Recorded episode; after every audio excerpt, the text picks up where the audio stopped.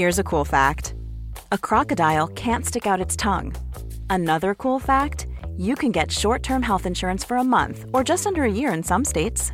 United Healthcare short term insurance plans are designed for people who are between jobs, coming off their parents' plan, or turning a side hustle into a full time gig. Underwritten by Golden Rule Insurance Company, they offer flexible, budget friendly coverage with access to a nationwide network of doctors and hospitals. Get more cool facts about United Healthcare short term plans at uh1.com. Quality sleep is essential. That's why the Sleep Number Smart Bed is designed for your ever evolving sleep needs. Need a bed that's firmer or softer on either side? Helps you sleep at a comfortable temperature? Sleep Number Smart Beds let you individualize your comfort so you sleep better together. JD Power ranks Sleep Number number 1 in customer satisfaction with mattresses purchased in-store. And now, save 50% on the Sleep Number limited edition Smart Bed for a limited time. For JD Power 2023 award information, visit jdpower.com/awards. Only at a Sleep Number store or sleepnumber.com. There's never been a faster or easier way to start your weight loss journey than with PlushCare. PlushCare accepts most insurance plans and gives you online access to board-certified physicians who can prescribe FDA-approved weight loss medications like Wigovi and Zepbound for those who qualify.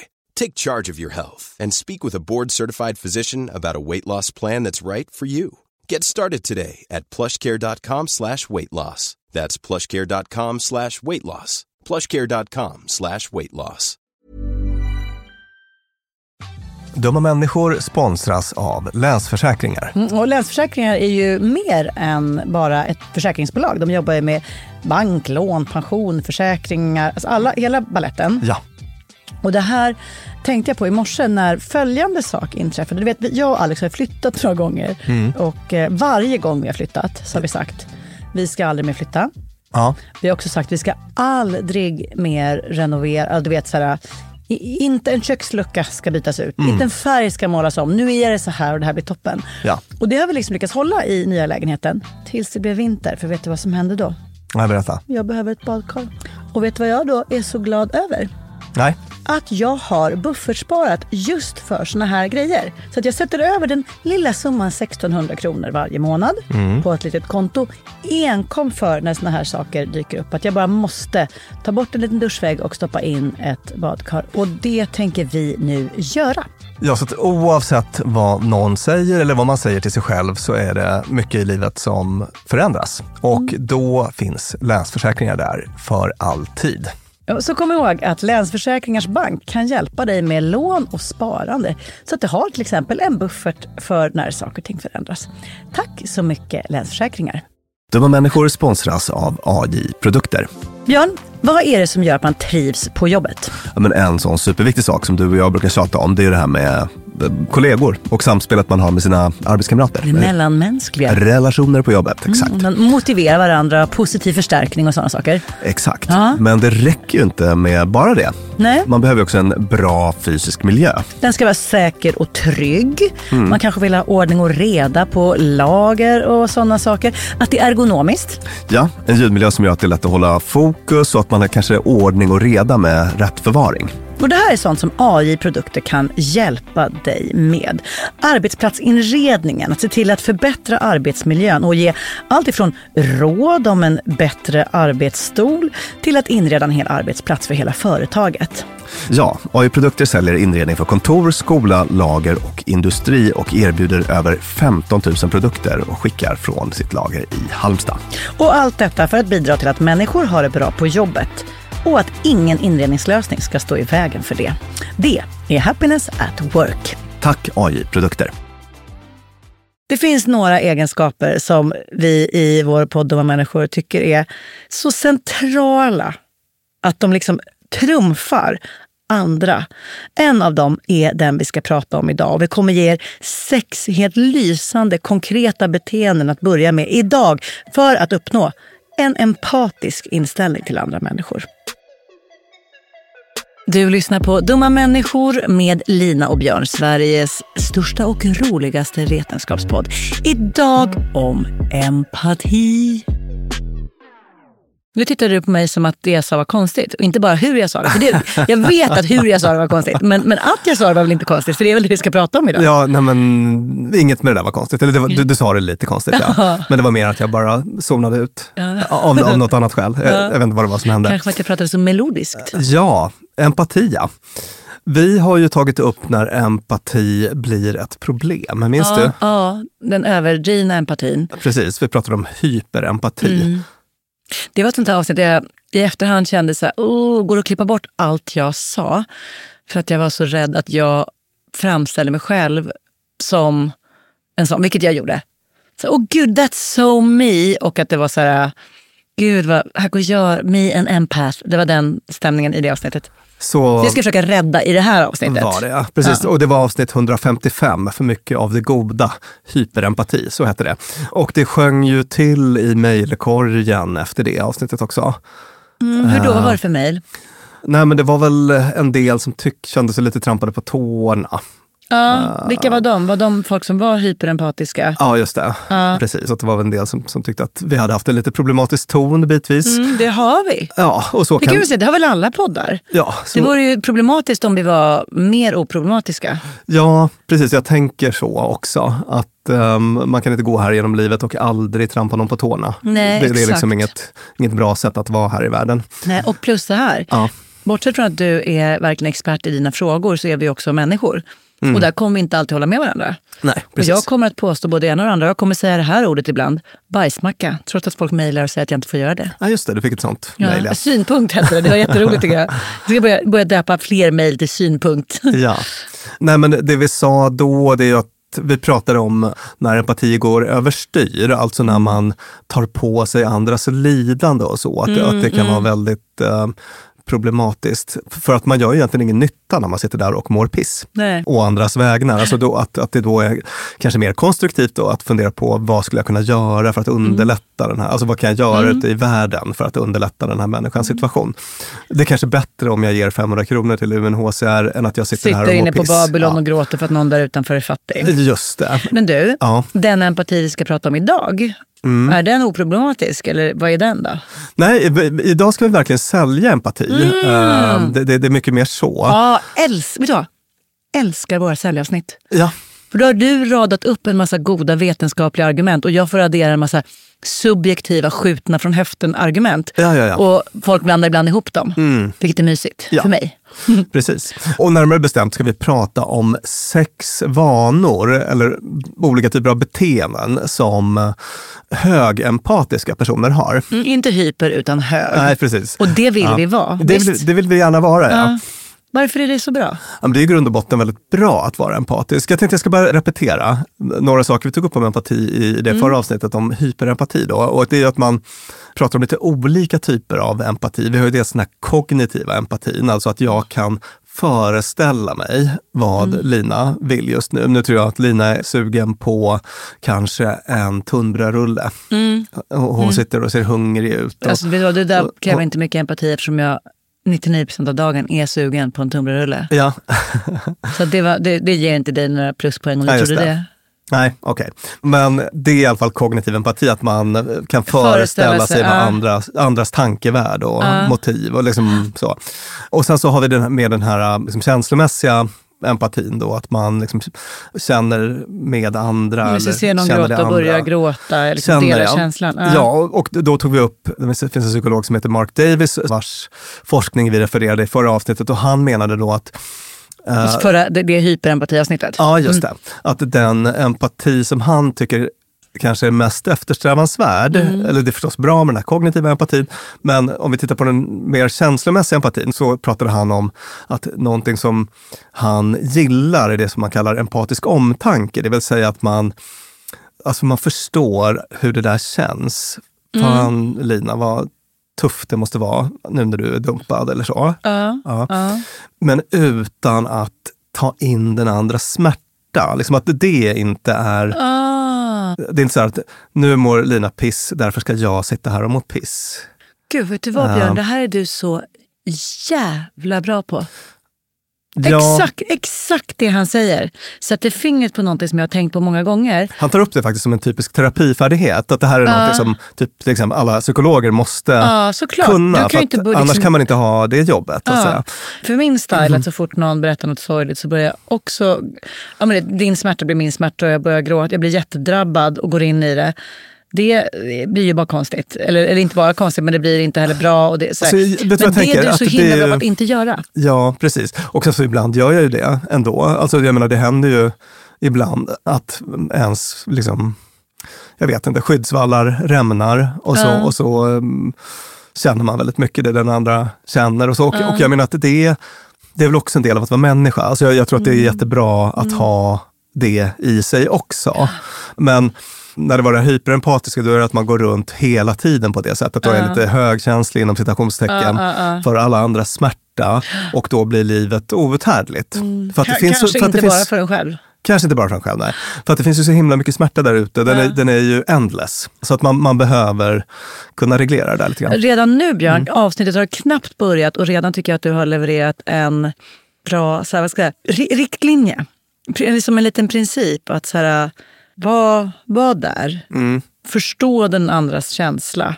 Vilket kanske förutsätter att du har varit med om ett och annat själv. För ibland så är det jättesvårt att förstå vad man kan. Liksom. Mm. Men känn inte in det. Nej, Att det, liksom, det finns ett att gå för långt där. ja. Alltså, du behöver inte börja böla Lina. Det, är inte, det gör inte dig till en godare, finare människa. Utan liksom, Jag tänker på den här liknelsen som du brukar dra ibland med eh, när man sitter på flygplan och de uppmanar en att som förälder ta på sig syrgasmasken först ja, eh, vid olycka så att man därmed kan hjälpa sitt barn. Ja, just, just det. Och det är väl lite samma här, tänker jag. Att, att ofta, alltså om, man, om man faller in i samma känsla helt och fullt så är man ju sällan ett bra stöd egentligen. Nej, just det. Och det där Ja. att sträva efter att typ vara den vuxna i rummet. Men det är inte sagt att man ska förvandla andra till barn. Men att typ sträva efter att vara vuxen. För det kan jag se i människor att man har olika förmåga att göra det. Och att vissa ibland nästan strävar efter att vara barnet. Att så här, riktningen är hjälplös, inte kunna kontrollera sig. Ah, fånga mig! Som att det nästan är som ett, ett mål. Och det finns ju något annat i det där som är faktiskt lite oempatiskt. Nu kanske det blir något till argt mejl. Ja, men att man tar över. Att man tar över, ja. Ja. Precis. Nu handlar det här om Nu mig. nu, mig, ja. nu handlar det här om mig helt plötsligt. Ja. Ja. Precis. Och idag ska vi prata mer om den här liksom, allt det positiva med empati som återigen i grund och botten är något absolut fantastiskt. Har du ingen fucking empati? Jag skäms du inte an? Kan du vara så falsk? Mm. Har du ingen fucking empati? Jag skäms du inte an? Hur kan du vara så falsk? Mm. Jag har då bland annat läst en artikel av en eh, filosof faktiskt, Mm, vad som är specialiserad på det här ämnet. Det är någon slags forskningsöversikt då. Och den artikeln heter just Six Habits of Highly Empathic People. Mm. Och då funderar jag, heter det inte empathetic? Eller kan man säga båda? Vet du vad, det är som med patriarkatet Ja. som är patriarkalt, patriarkaliskt, patriar alltså som man bara, vad, nu, hur, långt, hur långa får ord bli utan att det blir fel? Jag tror att ganska ofta med de där så är liksom flera varianter go- godkända. empath- empath, empathetic, empathic, empathetic. Just det. Båda verkar funka. Men vet du vad, jag tror Ja. att filosofen vet vad han håller på med. Det gör han garanterat. Men vet du en grej som är lite knölig med honom? Mm. Det är hans efternamn. Ja, men vet du vad Björn? Mm. Sådana saker har du klarat tidigare. Du har bestigit sådana krångelberg för att uttala efternamn. Mihai jätte- Csikszentmihalyi till exempel. Flow-forskaren som vi återkommer till lite då och då. Men det här är up there Ja. i, i ren eh, konsonant eh. Ja. Han heter Roman i förnamn, inga konstigheter, Mm. men i efternamn Krznaric. Ah, körsnär, rik. Och så tar vi bort lite vokaler. K-R-Z-N-A-R-I-C om ni vill googla upp honom. Och han är Australienfödd men verksam i USA. Då. Och han säger i sin artikel att 1900-talet var introspektionens tidsålder med självhjälp och terapikultur som eh, uppmuntrade oss att tro att det bästa sättet att förstå vilka vi är och hur vi ska leva är att vända oss inåt. Ja. Men det lämnade oss, it left us gazing at our own navels. Eh, Det lämnade oss navelskådande. Fucking gåshud på mig nu. Ja, och the 21st century should become the age of empathy. When we discover ourselves not simply through self-reflection but by coming interested in the lives of others. Och det här var ju också faktiskt en av huvudpoängerna i eh, min senaste bok. Så där, att, att jag tänkte att det här är liksom en bok som handlar om hur vi är med andra och eh, där man kanske inte ska blicka så mycket inåt. Så, så var det inte alla som förstod det, men, men, men så, så var det. För mig var det alldeles uppenbart. Och Vi hade ju alla, alla de samtal som sen blev någon form av kulturdebatt Ja. utifrån din bok. De hade vi ju haft innan. Just. Och, och lite så här, Ja. men varför var de inte med på de samtalen? Då hade de ju fattat att Björn håller med om allt det här och Ja. ni har bara inte läst boken tillräckligt väl. Men jag, jag är väldigt biased. Jag vill bara eh, understryka hur Romans tes Ja, verkligen stämmer. Jag har ett exempel. ja. Sandra Beijer ja. den eh, briljanta bloggaren, hon gjorde bara för någon vecka sedan ett inlägg som heter Quirkiness och orkidébarn. ja. Där hon pratar om hur hon eh, liksom strävat efter, hon och många, man strävat efter att vara så himla såhär, oh jag är så speciell, jag äter smågodis i duschen och kolla knäppa jag som är så crazy. Gör det här. Så vi var så intresserade av att vara speciella och det är en liksom, narcissistisk, egoistisk tendens. Och som också hänger ihop med det har vi också berört lite i den här podden, folk brukar bli sura, men jag säger det igen, det här med högkänslighet och så vidare. Att det finns bestsellerböcker om hur, hur högkänsliga, så, här, så är ditt högkänsliga barn. Att alla vill att deras barn ska vara så himla speciella, alla vill att de själva ska vara så himla speciella. Och då skriver Sandra så roligt. Att sätta sig själv på en sidenpuff av uniqueness är det absolut tråkiga, mest generiska man kan göra 2024. Vi måste vända alla speglar utåt. Att, här, att känna lite extra, ungefär som att vara, vara högkänslig, det är ju bara att vara människa. Och den där tråkiga mannen i den tråkiga kostymen på bussätet bredvid dig som stirrar tråkigt ner i sin tråkiga telefon. Han är ett japanskt snabbtåg ner till jordens brinnande kärna av djup. Tjusig, vilken tjusig formulering. Ja, men jag tyckte framförallt att det var roligt, för det var också hon gjorde liksom lite avbön. Att hon bara, men gud, här har jag stått och ätit smågodis i duschen och bara, hihi, min speciella grej.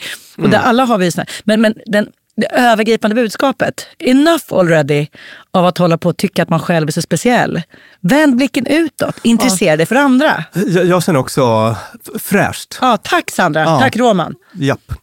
Så det eh, är väl lite temat i, idag då. Och sen kan man säga, vi sa att vi skulle sälja det här och det är ju dels en absolut förutsättning för att vi ska funka tillsammans, vilket vi ska. Vi ska faktiskt det. För att vi är utslängda på en planet tillsammans, Ja. 6-7 miljarder, och behöver liksom funka ihop. Vi har ett samhälle. Mm, exakt. Men sen så är det också så att man, eh, man blir en bättre människa. Alltså det finns ju en självhjälpsaspekt i det här också, på samma sätt som med likability. Alltså, man mår bra av det själv. man mår bra av det själv, man får ett rikare liv. Alltså det finns massa sådana studier som jag Mm. scrollade igenom nu. Alltså så här, blir en bättre chef, etc. Ah. Eh, Du vet, får bättre rel- relationer och så. Men är det nästan som att du är inne på listan redan Björn? Ja, nej, men nu lyfter jag bara lite olika fördelar med det. Ja. Alltså, listan är liksom beteenden som högempatiska personer ägnar sig åt. Mm. Så eh, det är egentligen pitchen då. Att, Ja. att det gör att vi funkar tillsammans, men det är också bra för dig som individ. Den, den, den, korta säljpitchen. Ja. since it's impossible in this world we live in to empathize with others. We can always empathize with ourselves. It's an important message. Okej, ska vi blåsa igenom listan? Och det är inte bara Romans tips, ska jag säga, det är en del annat också. Ja, bra. Och den här listan tänker jag döpa till, jag kanske ändrar mig along the way, men den kommer heta listan med saker som väldigt bra empatiska människor ägnar sig åt. När jag säger bra, det är för att högempatiska kommer jag ofta blanda ihop med hyperempatiska. Ja. Människor med mycket empati, vilket är en bra sak, gör de här sakerna. Kolon. Ett. Vilken snärtig rubrik. jag brukar vara bra på att få till det. Ja. Jo, du kanske inte trillar av stolen i förvåning när jag säger att man ska vara nyfiken och prata med nya människor. Mm, är det en empati... Är det empatirelaterat? Du trillade lite av stolen? Ja. Ja. Han lyfter till och med eh, nyfikenhet som eh, en liksom nyckelfärdighet eller, ett, eh, eller nyfikna beteenden som en absolut nyckel för ett rikt liv. Okej, då behöver vi konkretisera nyfikenhet. Ja. Eh, får, jag- får jag vara lite sårbar? Mhm. Jag och Alex hade ett gräl så pass nyligen att det var i morse om en situation där han var... Något hade varit jobbigt för honom i vardagen och jag skulle stötta genom att lösa problemet. Gör så här, tänk så här, skit i det. Nej, nej, nej. Sätt som jag brukar handskas med problem på. Och det blev inget bra. Han hade inte bett om den feedbacken och vi var tvungna att gräla ut det sen. Och så låg jag och funderade på så här, men vad, hur ville han att jag skulle göra då? Hur fan skulle man gjort för att det skulle vara rätt? Och så tänker jag som alltid på hans syrra som jag har många fenomenala egenskaper. Men en av dem är just hennes nyfikenhet. Hade det varit hon som hade suttit med Alex och man märkt att han var på jobbplats, då hade hon varit så här, ah, men hur kändes det? Varför gjorde den så? Och vad kan bli konsekvensen av det? Hur känns det för dig? Varför tror du... alltså här, och det, och det, jag bara såg det framför mig som en film. Att så här, men gud, det där! Det där är ju självklart Ja. vad jag borde ha gjort. Det är en nyfikenhet som jag typ var för rädd. För att visa med rädsla så menar jag att så här, oh, det kan bli jobbigt för dig att jag ställer de här frågorna som du behöver svara på. Eller Ja. vi går bara direkt på lösningen eller vad, vad det nu kan tänkas vara. Att det, så här, jag liksom, för det hade blivit connection. Ja. Om man, att så här, nu vill jag veta de här grejerna. Nu Ja. vill jag liksom eh, här, förstå det du känner och istället så bara, nu slutar vi med känslorna och så löser vi istället. Ja. Så ännu en gång blir Fredrika ett föredöme. Du vet vad, det var ett väldigt bra exempel med Fredrika där. För att jag läste nämligen en studie här som handlade om att vi, alltså även när vi ger oss på perspektivtagande, alltså det här tankeexperimentet, Ja. att man liksom ska föreställa sig vad någon annan tycker, tänker, känner. Alltså, vi, vi är inte jättebra på det. Du, Ja. vi, är, vi har gjort ett avsnitt om exakt hur dåliga vi är. Ja, just det. Genomskinlighetsillusionen. Det var för mig chockerande. Mm. Exakt hur hög vår tro på tankeläsning är. Avsnittet heter Tron på tankeläsning. Det är nummer 43 och handlar alltså om genomskinlighetsillusionen. Ska vi dra lite kort vad det är? Alltså jättekort då, om man ska sammanfatta så är det att vi överskattar andras förmåga att förstå vad vi tycker, tänker, känner. Och eh, sen finns det också det omvända, att vi eh, Jag tror att du kan läsa mina tankar och du tror att jag kan läsa dina tankar. Men vi är helt fel ute båda två, Mm. Ja, vilket ökar missförstånd och konflikter Ja. jättemycket. Precis, och nyckeln där, den enkla nyckeln är att liksom kommunicera. Säg, Ja. säg det, fråga, Ja. prata, beskriv dina behov. Ja. Alltså, så. Jag behöver en kram bakifrån, alltså vänder jag ryggen till när min kille kommer hem och tänker att han ska fatta istället för att...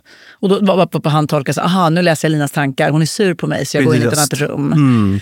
Istället för att säga hug me man. Precis, och, och då läste jag en studie här om, av eh, Niklas Eppli, tror jag han heter. Han är, vi har tagit upp honom förut. Han är en sån forskare som har kikat mycket på det här med småprat. Och, minns du de studierna? där ja. att liksom, man tror att folk inte kommer vilja småprata med en, men det vill de oftast. Mm, Eh, han har gjort den typen av studier på tåg och sånt där. Men, men lite så poppsykologiforskare som bara dyker upp lite här och var. Men han hade gjort en sån studie där man eh, så här, gav folk en instruktion, visserligen med folk man inte kände då, men så här, nu, nu får du titta på den här personen, du får lite information om den här personen. Nu vill jag att du ska försöka föreställa dig vad den personen eh, skulle vilja göra på en första dejt. Typ. Eller, alltså, lite, Ja, lite ja, sånt. ja. Och sen hade man en kontrollgrupp som bara fick, eh, bara, bara fick säga, alltså inte fick någon information och, och bara fick säga. Och det visade sig att den här kontrollgruppen var något bättre. Nej. Så att det visade sig helt enkelt i, det var en seriestudie där, att den här liksom lilla ansträngningen att göra tankeexperimentet var långt ifrån tillräcklig om vi säger så. Det ledde oss fel liksom. Ah, alltså, det, det var väl så här på marginalen, men det gav inte någon vidare skjuts Nej. i, i liksom att faktiskt förstå vad den här personen vill. Utan vad bör man göra då? då? Fråga. Fråga, fråga. Så att det är verkligen en grej som de lyfter. Att här, fråga, prata med nya människor, liksom konversera med främlingar som ett sätt att liksom öva på, på empati. Att, eh, eftersom det här eh, liksom, tysta perspektivtagandet, att nu ska jag sitta och gissa vad Lina vill. Alltså det, det räcker inte så himla långt alltid. Nej. Utan det är så här, eh, fråga, småprata med främlingar och kanske du inte ska nöja dig med att prata väder. Nej. Det kan man ju också göra. Men, men om, om man vill vara en highly empathetic person, en HEP, som, Ja, det vill vi. Hep, hepstars. som, som Roman pratar om, då eh, handlar det om att, att man ska go beyond small talk som man säger. Det, det gör sådana personer ofta. Och vet du vad, Ja. det gör du Björn. Trogna lyssnare känner igen det här. Skippa skriptet. Björns tumregel för konversationer i såna här stela miljöer där man liksom, don't know, bröllop eller 50-årsfester där man bara oj, oj, oj, trevligt, vad gott det är med mat. Att istället att skippa det och bara köra. Vilken underklädesreklam genom tiderna tycker du har varit sexigast? Just det, kan ge lite bättre, Det, det, nu hittade jag på en jättebra fråga för dig som du kan... kan ge bättre ös i, i, i pratet. Ja. Mm. Men eh, att så här, kolla läget med någon är så trevligt. Jag var och eh, tog en fika med min underbara psykologvän eh, Katarina Blom igår. Ja. Känd från bland annat Swedish Death Cleaning. Ja. Hollywood-produktionen. Och vi hade det så fint och då, vi, vi hade tre kvart hann vi fika. Ja. Och när, när vi skulle sammanfatta så kom vi på att vi hade frågat varann liksom så här, sex gånger, men hur mår du? Liksom, hur är det Det var egentligen? hela fikan. Alltså, det det var nästa här- lager, nästa lager, nästa Eh, lager. Att, att, eh, och att vi bara, var my, det, var, det var mysigt att fika med en psykolog. Ja, Jag kände mig väldigt sedd. Gud, Så, sa, vi, sa vi båda två efteråt. Att, nej, nej, men att, att man bara, det, det, är väldigt, det kan vara väldigt härligt att få en sån fråga och kanske också från någon man inte känner så väl. Ja. Alltså någon som tar sig lite tid och sådär. Men det är i alla fall någonting som de här högempatiska personerna ägnar sig åt. Och vet du varför jag tror också att det ökar empati? Inte nog att man kanske är empatisk när man gör det. Man blir ju också empatisk. För att när man sitter där i sin Uber eller sin Bolt med någon som kör bilen. Mm. Att då frågar jag så här, oj, är det jobbigt att köra bil nu när det är så halt? Är det extra mycket folk här ikväll? Och förresten, jag hade ett sånt jädra roligt samtal med en som körde mig någon rolig stans här för inte så länge sedan. Som berättade så här, han pratade väldigt bra svenska efter att ha bott, han kom från Syrien och hade bott i Sverige i fem år, pratade jättebra svenska. Och så började vi prata om hur han hade lärt sig. Han bara, ah, jag hade en superbra metod. Jag satt med penna och papper och kollade på svenska serier. Och så skrev jag ner varje ord jag inte förstod. Det var textat. Skrev ner varje ord jag inte förstod och slog upp. Och så här. Och så hade han gjort det, verkligen som att han gjort lite i smyg för sin tjej. Han hade flyttat till henne uppe i Kiruna. Och sen en dag hade hon kommit hem när han satt med penna och papper framför sin tv-serie. Och bara, åh, kollar du på Skam? Gud vad mysigt. Skam, den norska tv-serien. Skam den norska tv-serien. Så han berättade att han då på köpet hade lagt riktigt många veckor på att lära sig norska utan att veta det. Och det i alla fall, när vi pratade om eh, hur han upplevde svenska vintern och allt det där, så man bara, ah, nu, så här, då lärde jag mig någonting där. Ja. Och jag lärde mig om så här, hur, ett sätt att lära sig språk och, så, och det blir ju, I det samtalet karta av odlade kunskap. du empati. Du odlade empati. jag odlade förståelse för hur det där kunde vara för honom när han kom till Kiruna första gången. Bara, Fuck this is cold. Samma sak. Ja.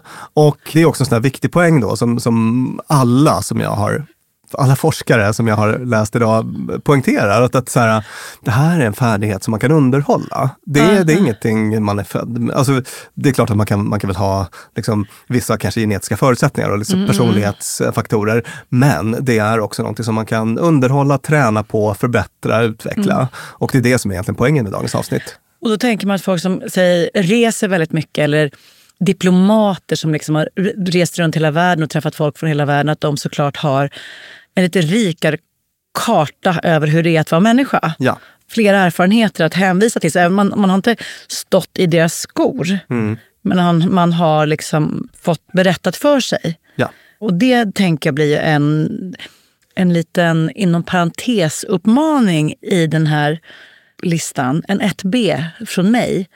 Att så här, se till att göra det. Skaffa dig liksom en rik flora av berättelser som får dig att känna saker som gör att du bara, ah, vänta nu fattar jag hur det är att vara hur det kan vara att vara jättesjuk eller hur det kan vara att plötsligt bli jätterik. Eller hur det kan vara att man liksom, Det är väl därför vi har kultur också. Att man ska Det här blir en alldeles utmärkt brygga till punkt två. Ja, punkt två över HEP-listan, nämligen hur du blir en högempatisk person. Pröva någon annans liv. Mm. Låter bra, men hur gör vi det då? Ja, hur gör man det då? Precis. Det, det här är ju eh, det är förstås det mest kraftfulla. Mm.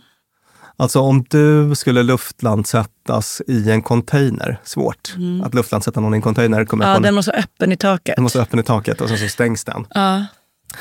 Och så placeras den på ett lastfartyg som lämnar en libysk, libysk säger man kanske, Idag är det många slut på ord som är svåra. ja, hamn. Ja. Ja, en hamn i Lib- Libyen. Ja. och, och så får du resa som en flykting. Till, Med mina två barn med mig kanske. Ja, kanske det. Alltså, det skulle ju vara en crash course i empati för eh, Mm. utsatta flyktingars situation. Men det är ju å andra sidan ett väldigt liksom, konstruerat exempel. Ja. Men det finns författaren George Orwell till exempel, Mm. känd för 1984 bland annat. Han gjorde någon sån grej att han eh, provade att eh, leva som eh, hemlös i London under en längre period och skrev sen om den här upplevelsen. Då. Men, men, men just hur eh, allt det här som bara är liksom någon typ av eh, formlös abstraktion. Så här, En hemlös, sen blir en liksom nyansrik människa och, och de har massa vänner och relationer. och Fåfänga eller oro eller Ja. drömmar eller vad det kan tänkas vara som man också har. Just det. Och jag tänker att bland det mest värdefulla som man ha, har i livet är att man, har, man, jag har varit i lite olika, Ja.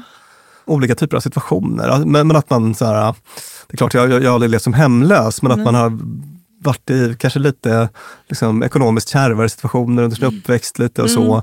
Alltså det, det, det, det, det blir någon typ av liksom, rikedom nu och, Ja. och, och gör att man kan Det, det är en tröst verkligen att, att välja att se. Eller förlåt, jag avbröt. Nej, att man det kan, gjorde du inte. Nej, men att, Mina, mina ord tog slut. eh, att eh, känna att eh, vad, vad fick jag då av den här grejen som var skitjobbig? Eller av det här som jag verkligen, verkligen inte ville ha. Eller ville inte att det skulle vara så här. Mm. Så, men då fattar jag hur väldigt, väldigt många andra har det. Och det blir ju skönt om den här listan nu kan säga oss att det är en bra sak. Ja, och det här är ju någonting då som eh, hyper, nej, Nej, hög. hög empatiska människor Mm. liksom aktivt eh, söker sig till. Och då kanske ni funderar på, vadå, man kan väl inte gå och liksom leva som en hemlös eller sitta på någon flyktingbåt från Afrika? Nej, det kan man ju inte, men man kan göra lite mikrovarianter. Och ganska amerikanskt exempel då som tas upp här, men, men attend someone else's church, mosque, synagogue or other house of worship for a few weeks while they attend yours. Det, Oj, det, det, oj, eh, liksom den typen av övning då, att man, alltså om man är kristen, att man går till en synagoga eller moské under, alltså, och eh, kanske upptäcker att vad mycket det är som är lika Ja, just det. Och så. Alltså så segregerat som Sverige är så kan vi ju fysiskt förflytta oss uppåt och neråt i samhällsklasser eller uppåt och neråt i livslängd. Bara genom att åka på tunnelbana eller spårvagn eller järnvägsstation Ja, ja. åt ett visst håll och få en liten bild av hur det ser ut. Man bara, jaha, vänta, här är, står det stängd vårdcentral, stängd eh, polis, stängd post. Stängd, alltså så här, att man får en liten inblick i sånt där. Och där finns ju tjuriga röster som kan kalla det safari åt olika håll. Ja. Att det är lite störigt att med sitt köpta åkkort kunna ta sig till en annan värld och bara oh, jobbigt för er och sen tryggt åka hem till sin. Lite ex exotiserande. Ja, men jag, jag och Alex ägnar oss åt mycket sånt med mm, uppåt i samhällsklasserna. Nu tar vi en bilpromenad ut i liksom de finaste villorna. Vi åker upp här och åh jävlar vad stort de bodde. Hur tror du de har det där? Och hur ofta måste man klippa såna där äppelträd? Alltså, det är liksom ganska roligt. där. Men där skulle jag ju säga att jag tror att alla såna Oavsett om man kallar det safari eller bara att lära känna sin värld som vi ändå delar mer, är bra. Ja.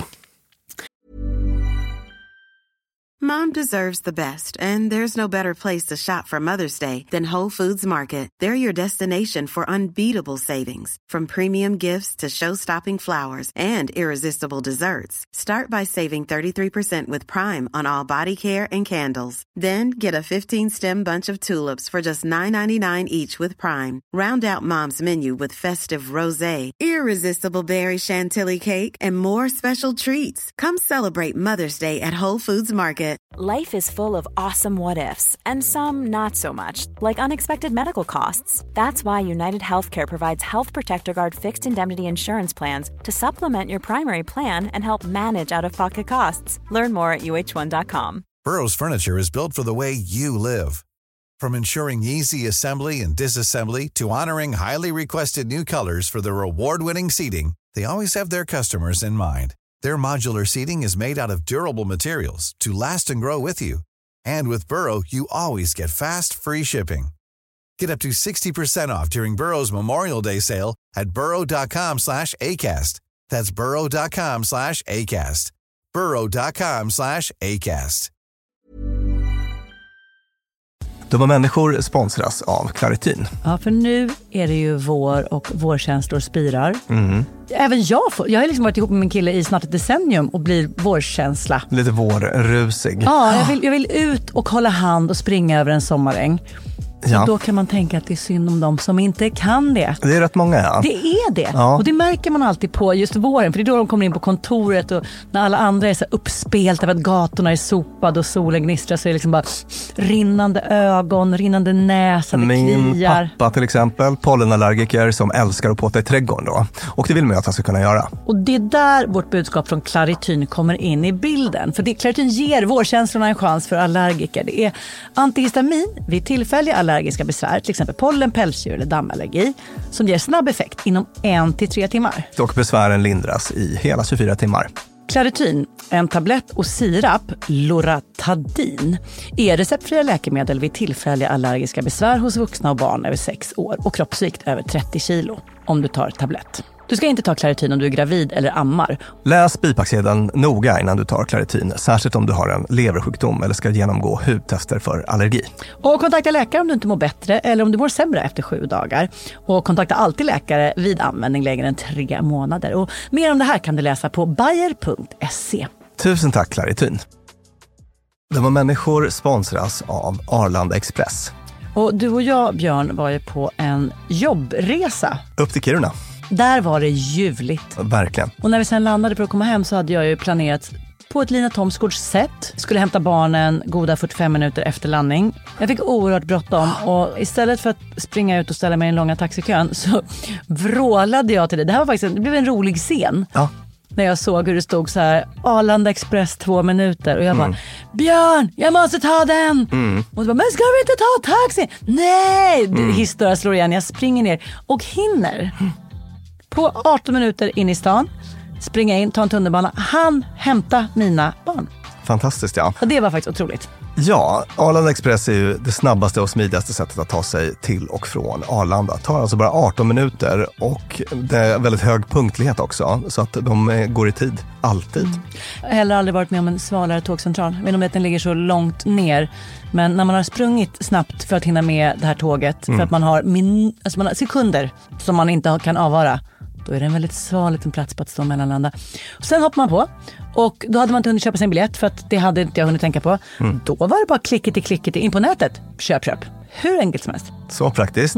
Och det här tåget går från tidig morgon 04.20 till sent på natten då 00.35 och i högtrafik går Arlanda Express upp till var tionde minut. Så hoppa på tåget. Det finns gott om anledningar att ta Arlanda Express. Tack så mycket Arlanda Express. Innan vi lämnar punkt två så vill jag bara hylla lajvare. Ja. Folk som ägnar sig åt live. För de gör ju det där över tid och rum. Ja, just det. Alltså det finns ju Ja. live med så, så här var det när HIV bröt ut eller så här var det under suffragettrörelsen. Det finns säkert liksom, det finns garanterat någon form av flyktingvariant av det också. Där så här, otroligt många människor lägger massa tid och energi på att sätta sig in i hur det här... Fatta vad många... Vad, vad rika deras liv blir. Verkligen.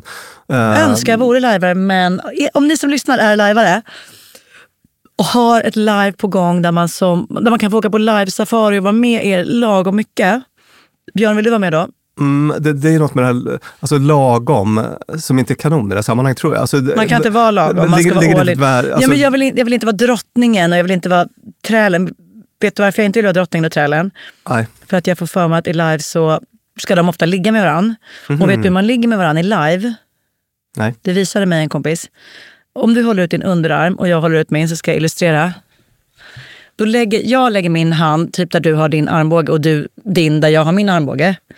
Sen dra, håller vi om varandras armar och drar lite fram och tillbaka. Jag kan göra en film på det här och lägga ut på Instagram. Det här är ligga på livespråk. Det var lite porrigt. Ja men det är så ja, Jag tycker att det är, liksom, det är porrigare än mycket sex jag har haft, fast inte på ett sexigt sätt. Nej, Det, precis. det är liksom... Mm. Nog om det. Jag tycker att liveare är jättebra och jag har ingenting emot att följa med på ett live. Jag vill inte behöva ligga. Nej. Live-ligga. Det går säkert att lösa, Ja. tänker jag. Now repeat after me. I will not judge someone until I walk a mile in their shoes. I will not judge someone until I walk a mile in their shoes. Nu går vi vidare till punkt tre över beteenden som väldigt fint och bra empatiska människor ägnar sig åt. De synar sina fördomar och sitt privilegium. Oj, check your privilege. Ja. Så här, tänker du att du är en fördomsfri person? Nej, gud vad jag vet att jag inte är det. Nej. Men, Så- men ja. det har varit en resa att behöva inse det. Ja, ja, ja. Jag tror att när jag var tvärsäker och 23 och inte rädd för någonting och visste exakt hur allting skulle gå till. Då var det så här, finaste ja. Mm. Orasistiskaste, mest jämställdaste. Ser inte färg, ser inte kön. Nej, Ser inte... ser inte klass, ser ingenting. Mm. Jag, finaste. Mm. Och sen har jag liksom bittert, dag för dag, fått erfara att jag är precis lika värdelös som alla andra. Nej, visst, och det där med alla andra är ett nyckelord här. För att jag, jag tror att det, det är typ livsfarligt, eller inte livsfarligt, men det är inget vidare att gå runt och tänka att man är fördomsfri.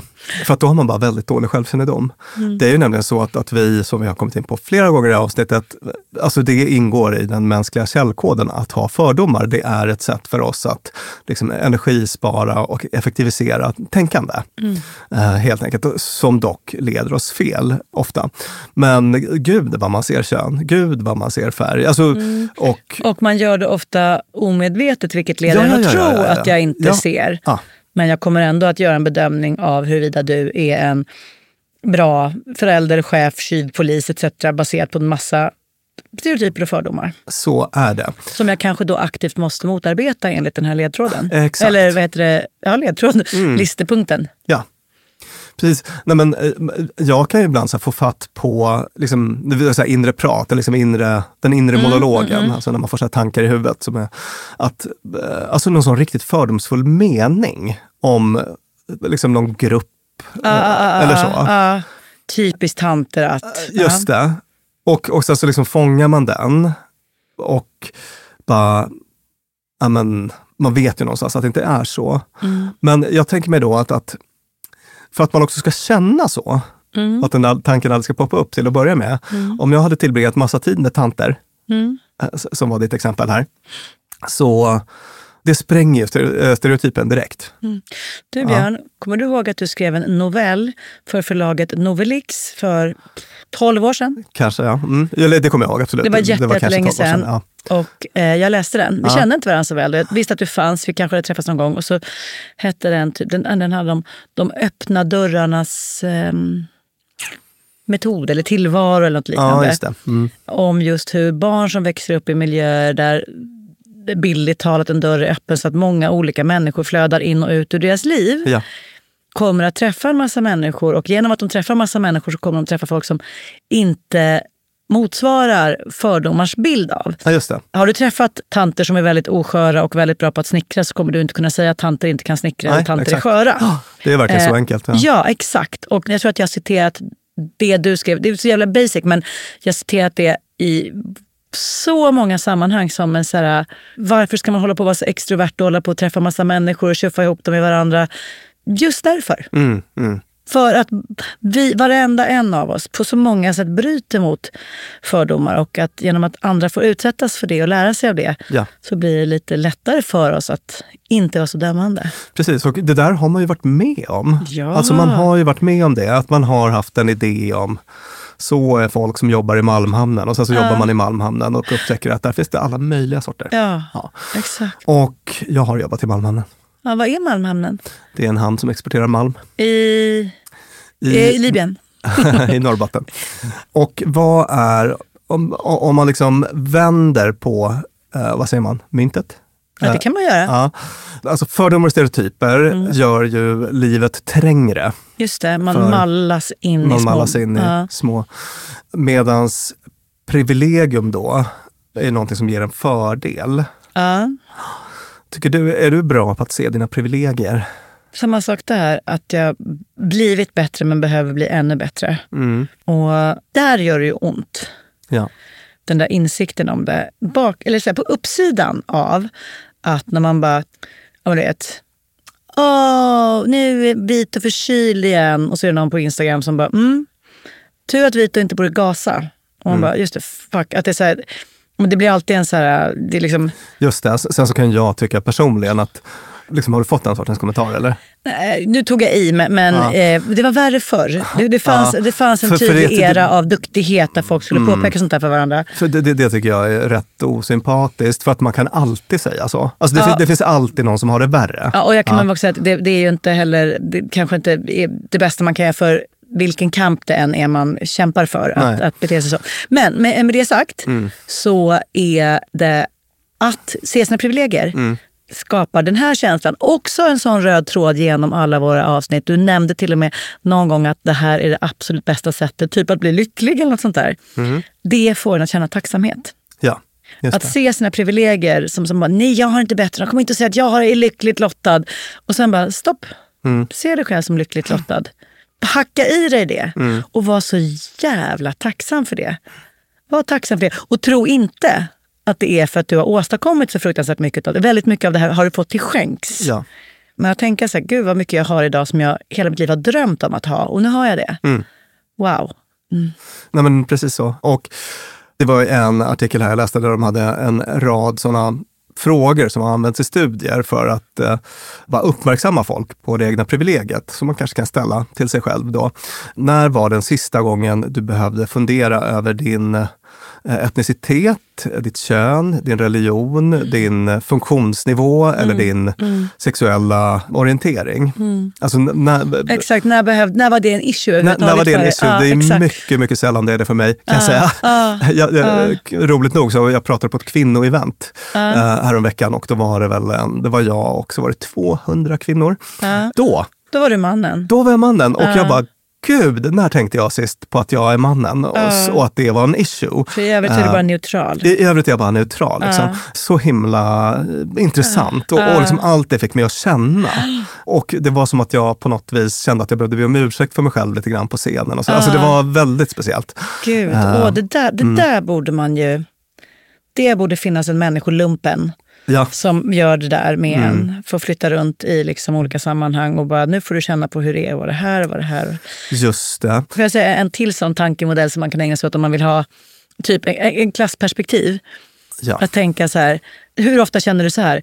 Åh, jag är bara tre månaders katastrofer från att bo på gatan. Ja.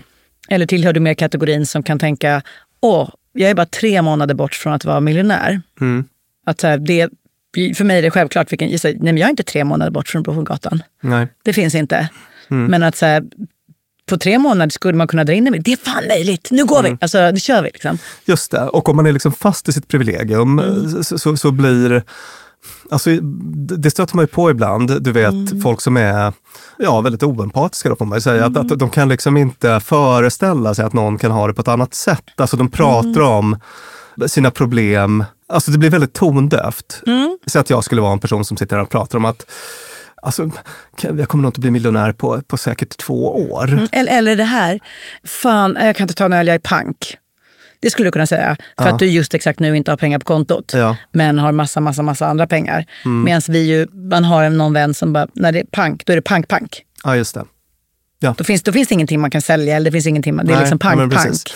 Just Precis. Det. Och att man blir helt oförmögen att se det. Ja. Så att det är därför det är så, de här högempatiska personerna är, har bra koll på sina privilegier och fastnar inte i det liksom, tunnelseendet. Är du med? Mm, så att, med. ett par andra sådana frågor som du tog upp där. När du tittar på film och tv, hur ofta ser du eh, karaktärer som, som speglar vem du är? Eh, Mm, eh, Alltså, Ja, ja. om man säger så, tittar på vänner, då Ja, kan man ju på något Sex vis... and the City eller- Sex and the. City eller whatever kan man känna igen sig då i regel i de Mm. flesta. Men det finns ju många som inte kan det. Och hur ofta är du i sociala sammanhang där de flesta människorna är eh, har en annan identitet Mm. än, än du. Så inte så himla ofta heller som man utsätter sig för det. Sådär. Så bra fråga att ställa till sig själv. Mm. Check your privilege. Finns det något sätt att göra det för någon annan? Säg att jag har en män som inte har den insikten alls. Och istället för att säga tur du inte bor i gas. Eller förstår kan, kan man liksom hjälpa folk på traven med det där utan att bara blir, utan att bara blir störigt? just det, just det.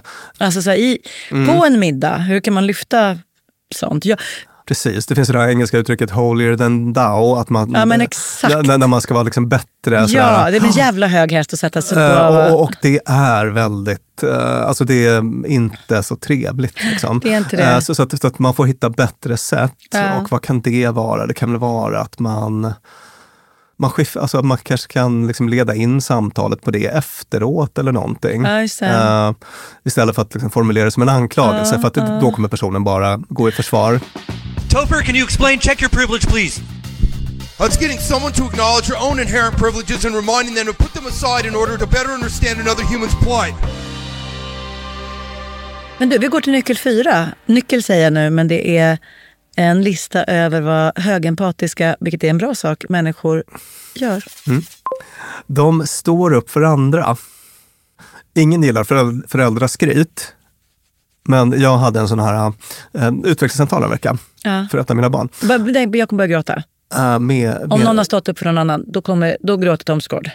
eh, och så fick, eh, det, var, man satt, det var barnet och en lärare. Ja. Och sen så var det massa omdömen från andra lärare bara. Som den närvarande läraren normalt. läste upp. Och då var det två eller tre som hade sagt står upp för andra Nej. om mitt barn. Och då kände jag så här, någonting Teenagers som står upp för någon annan. Nå- någonting har man lyckats med. Och bra sak, Jag ska high-fivea ditt barn när jag träffar honom. står upp för andra. Jo, det här, vi pratade om det här med, med empati som en utåtriktad kraft. Att det inte är det här introspektiva så himla mycket. Och att i det så ingår, säger Roman och andra, Ja. att empati är någonting som ska driva oss att ehm, agera med medkänsla eh, gen- gentemot andra. Då. Och ja, vad kan, vad kan det vara? Eh, det kan vara liksom allt från att donera pengar om man har möjlighet att göra det, eh, eh, eller säga ifrån när Ja. någon blir liksom förnedrad eller kränkt eh, i, i något offentligt sammanhang, att vara en allierad som man brukar prata om. Ja, där har du säkert mycket att säga om. Här ja. kom fingret. Där kom Eh, fingret, ja.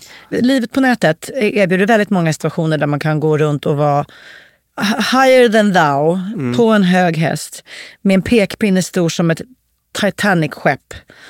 Och förklä det i att jag står upp för andra. Men det man, beteendet, aktionen, det man ägnar sig åt, om man skulle syna det så har det väldigt lite med medkänsla att göra. Mm. Väldigt lite med empati. Utan lockelsen är just att få tillrättavisa. Och det här, jag, har Ja. varit, gud, jag har varit så skyldig till sånt här också. Mm. Då kanske du ska tänka... Alltså, sådär. Just det. Eh, Mm. Så där, där, där är ett litet medskick från mig. att Mm. Att stå upp för andra Mm. och visa medkänsla och tänka på andra. Gör tankeövningen att även den du säger till ingår i medkänslan. Ja. Även när jag liksom ska säga något rivigt om någon gammal Spendrup-chef som har sagt något som jag tyckte var taskigt mot kvinnor. Att så här, även hans väl och ve räknas i Ja. det här. Hur skulle jag formulera mig då? Precis, och jag ska säga en sak till om det där. jag tycker att du har helt rätt. Att om, liksom, om man ingår i drev, Mm. då är man inte någon Nej, Då- det är ingen, då- det är ingen hepstar. Då, då, då är man ingen, då man nej, exakt. Då är man ingen, modig, empatisk allierad, utan då är man bara en, eh, då är man en till blodhund.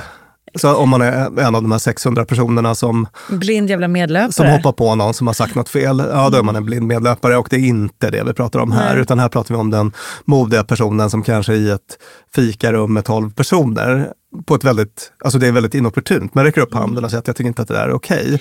Och om man lyckas säga det till Mm. den i rummet som har gjort det här som inte är okej, på ett sätt så att den personen Om- också är med. av- Ja.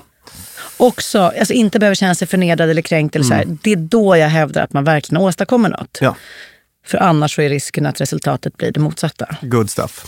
Punkt fem på vår lista över vad highly empathic people ägnar sig åt. De läser böcker.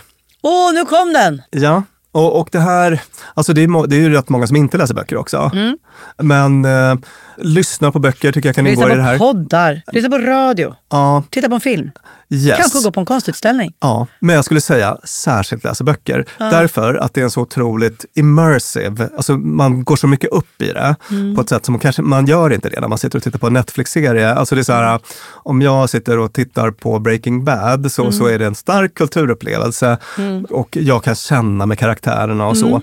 Men liksom inte på det här otroliga sättet som, som, som böcker tenderar att ta över en i veckor. Ja. Att man liksom går upp i någon annans värld. Och jag vet inte om, om det kan framstå som liksom kultursnobbigt när jag säger så, men, men det finns en del studier som, som, som tyder på att, att, ehm, att böcker ger en eh, liksom ökad empatisk förmåga. Mm. Och just det att de kan vrida på perspektiven. Att, här, att få läsa en bok Ja. där jaget är någon som jag alltid har sett som do, domet. Mm. Att det är liksom brottsling eller, eller det Ja. är, det är slavägaren eller det är det rika eller den fattiga. Eller, det 14-åriga är, liksom, turkiska fåraherden. Eller, liksom, vet. eller André Ja. Waldens barnversion i Ja, boken. Jävla karar. Visst, visst. Eller någon av de papporna som är hans jävla karlar. Alltså det är Mm. liksom... Det är helt magiskt vad det, vad det är. Ja, exakt. Det är typ den bästa formen av verklighetsflykt. Och alla de andra sakerna vi har på listan, det här med att liksom check your privilege och så vidare. Mm. Ja, genom att läsa. Nyfiken, ja, genom att läsa. Det är liksom Ja. nyckeln där. Jag kommer att tänka på när, när min eh, exfru en gång, när vi hade småbarn, och hon kände att det kanske inte var helt jämställt i hushållet. Mm. Jag vet inte om det var det eller om det var något, men, men det var ett humör eh, en Mm. dag. Mm. Och jag ligger och sträcker ut mig på sängen Mm. och hon kommer och kastar Elena Ferrante, den första Elena Ferrante-boken på I mig. väninna-serien. Eh, Just Ja. det. Du behöver sätta dig in i hur det är att vara kvinna. Var det hon sa. Och jag menar, hon hade ju rätt. Alltså Ja. det, och så tänker jag lite grann med böcker ibland. Att nu Ja. skulle jag behöva liksom jobba lite på, på empatin här. Och så funkar det. Och som sagt, det finns också studier på det. Då. So where is the empathy? Such hypocrisy. Yeah. Oh, I talk about love, love. Har vi någon mer punkt över saker man ska ägna sig åt om man vill bli en människa som har väldigt bra empati? Eh, Det har vi faktiskt. Det är så att en grej som de här personerna ofta ägnar sig åt Mm. är att jobba tillsammans med andra mot ett gemensamt mål. Mm. Jag vet inte om du minns det i vårt avsnitt om fördomar som vi gjorde för tusen år sedan. Mm. Så tog jag upp ett, eller om fördomar och stereotyper, så tog jag upp ett Mm. projekt som hade varit väldigt lyckat när det handlade om att få ner fördomar i, i jag tror att det var någon skola i södra USA. Mhm. Eh, du vet, de har, de har den här historien av segregation Ja, mellan ja, svarta och vita. Ja. Och sådär. Här testade man eh, lite olika interventioner för att se vad som skulle liksom, förbättra relationer mellan oli- olika grupper på en skola där man hade haft mycket problem. Och en grej som funkade väldigt, väldigt bra där, det, det var att sätta personer ur olika grupper tillsammans och ge dem i uppgift att lösa ett problem eller liksom sätta Mm. någon typ av gemensamt mål för den här gruppen. Mm. För det som händer då, Mm. det är att man väldigt snabbt släpper sig själv. Alltså den andra personen blir liksom en individ som, Mm. som jobbar mot det här målet. Alltså man, man tänker inte så himla mycket person längre. ut- Det utan- blir just det, kanske inte blir du i relation till mig, utan tillsammans är vi två verktyg som skapar det här och vi passar Ja. ihop. Eller liksom. Mm. Exakt, och, och det finns massa sådana bra projekt också. I have one word for you. Ja. Lumpen. Ja, lumpen ja, just det. Jag är ju typ en, en varm anhängare av den idén Ja, faktiskt. jag, jag är ju citerad i, i tidningar där jag säger att när jag vill tänka på något riktigt konstigt så tänker jag på lumpen. Och det tyckte jag förut. Tills min systers mans ömma far Lars Linder skrev en text om lumpen i DN. Om hur lumpen förenade boys på den tiden från alla möjliga samhällsklasser och olika bakgrunder. Och bara, nu är det dags. Ingen mannamån. Alla behöver ställa sig upp och gå, sätta på sig kängor och ut och gå. Vi tillsammans ska vi bygga det här, eller det regnar på oss alla. Eller, Ja. och hur det liksom byggde vänskap och eh, störtade fördomar på ett sätt som vi nog behöver lite mer Jag gillar idag. det där faktiskt också. Och eh, om man inte är into försvar och vapen så kan man ju tänka att man skulle kunna ha något civilpliktsalternativ också. Mm, det, det, vi har dryftat den idén också ibland. Varför, varför Ja. ingen politiker verkställt det ännu? Eh, ja, det är väl lite på G, åtminstone med lumpen i alla fall. Ja, men jag tänker den här mer samhällskänsliga lumpen. Ja. Alltså så här, alla ska ha jobbat i en skolmatsal på hemtjänst, sopat gator, sådär. Ja, precis. Ja, men jag gillar det. Eh, Det Mm. politiska argumentet emot är förstås att det är ett stort ingrepp i... Det är tvång. Det är tvång, Du ja. kan inte hålla på och Mm. tvinga folk. Vet, vet du vad? Om man googlar på mig, Ja. då vet man att om det är något jag accepterar, då är det tvång. Ja. Ja, då. Bra. Jo, nej, men det finns också väldigt, väldigt bra exempel på hur fint det där funkar. Det finns till exempel ett, eh, jag vet att det finns ett sånt projekt med israeliska och palestinska föräldrar. Jag känner Mhm. igen det här. Alltså sådana som har förlorat en nära familjemedlem. Mm, Och- i, I just konflikten. Ja, Mm. eh, precis. Och, Jo men vänta, det här ringer klockor. Och så blev jag, när du har berättat det förut, antingen i podden eller att, att jag blir gråtmild för att det är så himla fint. just det. Vad är det de får göra ihop nu igen då? Ja, de kanske inte jobbar mot ett gemensamt mål, men de har en gemensam erfarenhet. Ja. Och i det så möts man och blir Ja. liksom individer istället för Israel och palestinier. Ja. Och eh, man fattar ju att det funkar. Ja, Min mamma, Mm. den underbara Barbro, ja hon, är, faktiskt underbar kan jag Hon är psykolog och jobbat med arbetsmarknadsfrågor väldigt länge. Hon har ju hon har många sådana rättesnören, men en sån där är att, så här, att arbeta tillsammans, det är det finaste som finns. Att Ja. arbeta tillsammans mot ett gemensamt mål. Att Mm. känna att man var så här, jag behövs, tillsammans kan vi bygga stora saker. Det, Ja, man ska fan inte vara rädd för att dra igång sånt. Nej, det ska man Och så här, verkligen inte "Hörni, vara. Vi på gården, ska vi inte ha en gårdsfest? Eller liksom bara, Det där är en sån sak som jag har tänkt på, nu kanske vi hamnar lite vid sidan av ja, men här. vad, det får vi. Det får vi, ja. Nej, men du vet när man pratar om det här, liksom, ibland har man så här samhällsutopier, alltså du vet Mm. såna här äh, folk som är väldigt AI-positiva och sådär. Ja. Då kan folk, eh, liksom AI gör allt jobb Ja, och människor kan bara drälla runt och, och Mm. vara så här konstnärliga och Ja. ligga med varandra. Typ. Alltså, Ja, ja, ja. Så. Men då brukar jag tänka att, gud vad jag tror att det är ett fundamentalt psykologiskt behov att känna att man liksom bidrar Gud, och ja. har någonting att arbeta för. Ja. Och, alltså jag tror att det är så meningsskapande för så Ja. många, så att jag tror att den utopin i själva verket är en liksom, mardröm. Alltså, man, man kan väl vara fantasirik nog att tänka att det här gemensamma arbetet skulle kunna se ut på ett annat sätt än hur vår arbetsmarknad är konstruerad idag. Visst. Och att det, här- Mm. det gemensamma vi skulle kunna skapa kan, kan göras på andra sätt. Alltså det finns medborgarlön, det finns alla möjliga grejer.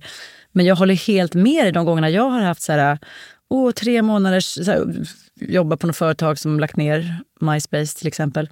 Haft lön och inte behövt jobba. Bara, Gud vad skönt, kan jag ligga på bryggan och bada? Eller då kan jag så bara, 24 minuter senare, Mm. gravt deprimerad. Ja, det är det där, liksom, om ingen behöver mig, Nej, exakt. om ingen behöver mig, vad gör Ja. jag då här? Exakt. Alltså lite Men den. vad har jag för existensberättigande Mm. när jag inte har liksom utfört min del i det stora? Mm. Precis. Ja, bra punkt Björn. Är det vår sista punkt nu på listan över saker som väldigt empatiska personer gör och som vi alla borde göra? De har en öppenhet för svåra samtal och ägnar sig åt aktivt lyssnande.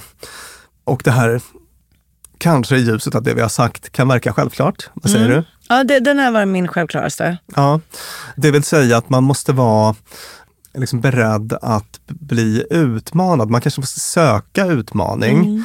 Vi har ibland pratat om den här liksom risken att fastna i rigida tankemönster. Jag, jag Mm. berättade för dig Lina häromdagen privat att jag bara, jag kan känna att jag så här, äh, ibland kommer i kontakt med någon så inre gubbe allt Mm, oftare. mm, mm. Lite så konservativa Mm, åsikter som jag kanske mm. inte riktigt, som liksom kanske inte riktigt håller för en Nej. närmare granskning och så, men som bara poppar upp i Ja. huvudet sådär.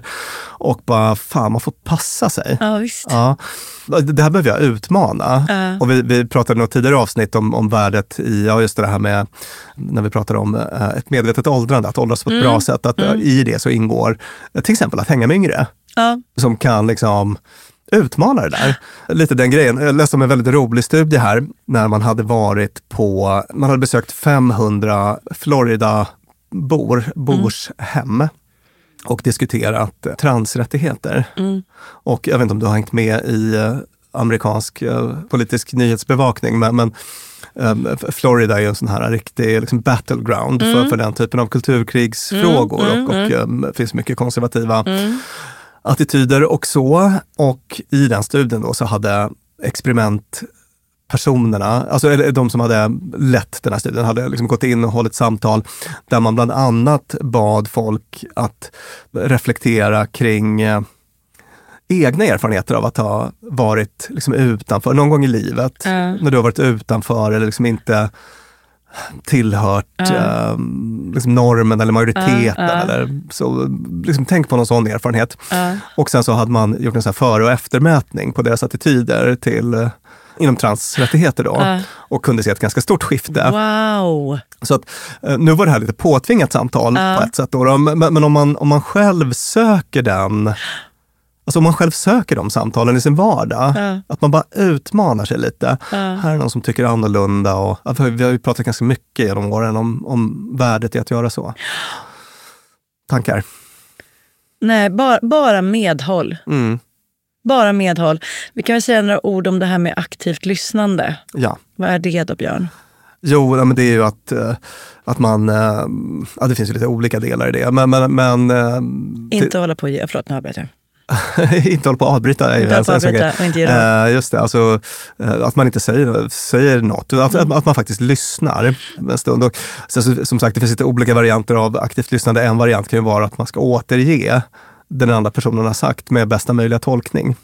Eller den mest välvilliga tolkningen Mm. som man kan, kan få till. Det, det, det kan ju ingå att man eh, liksom uppmuntrar på olika sätt, verbalt och icke-verbalt, nickar, hummar, sådana Mm. saker. Ställa följdfrågor får man väl göra? Ställa följdfrågor, att man håll, liksom, håller ögonkontakt och så.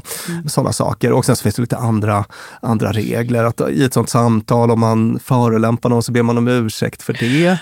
Och, ehm, Man kanske inte kommer med lösningar ifall det är så att någon delar ett problem. Och Om man vill göra det. Om man bara måste, Mm. som jag ofta bara måste, så har jag lärt mig, men är dålig på att praktisera, att fråga så här, vill du, vill du höra vad jag tänker att man skulle kunna göra? Ja. Att liksom så fråga om Mm. det här är önskvärt. Just. För när det inte är önskvärt så är det så himla sjukt att någon bara, det du borde göra är, man bara, jag, jag, har inte, jag om någon vet väl vad jag borde göra. Ja. Det är inte det vi pratar om här. Mm. Ja. Bra!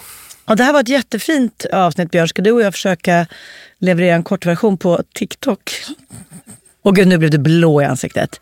Inte vit, utan blå. Ja, kanske att vi ska det. Kanske. Vi får se. Vi får se. Ja. Mm. Hörni, lyssnarna, tack för att ni var med och följde vår lista på hur man gör för att bli en empatisk människa. Något av det finaste vi vet att människor kan vara. Vår podd klipps av Peter Malmqvist och spelas in hos Acast. Och vi vill tacka samtliga inblandade. Hej då!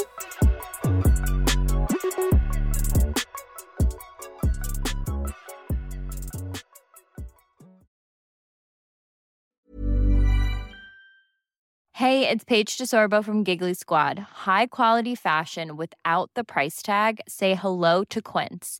I'm snagging high-end essentials like cozy cashmere sweaters, sleek leather jackets, fine jewelry, and so much more. With Quince being 50 to 80% less than similar brands. And they partner with factories that prioritize safe, ethical, and responsible manufacturing. I love that. Luxury quality within reach. Go to quince.com slash style to get free shipping and 365 day returns on your next order. Quince.com slash style.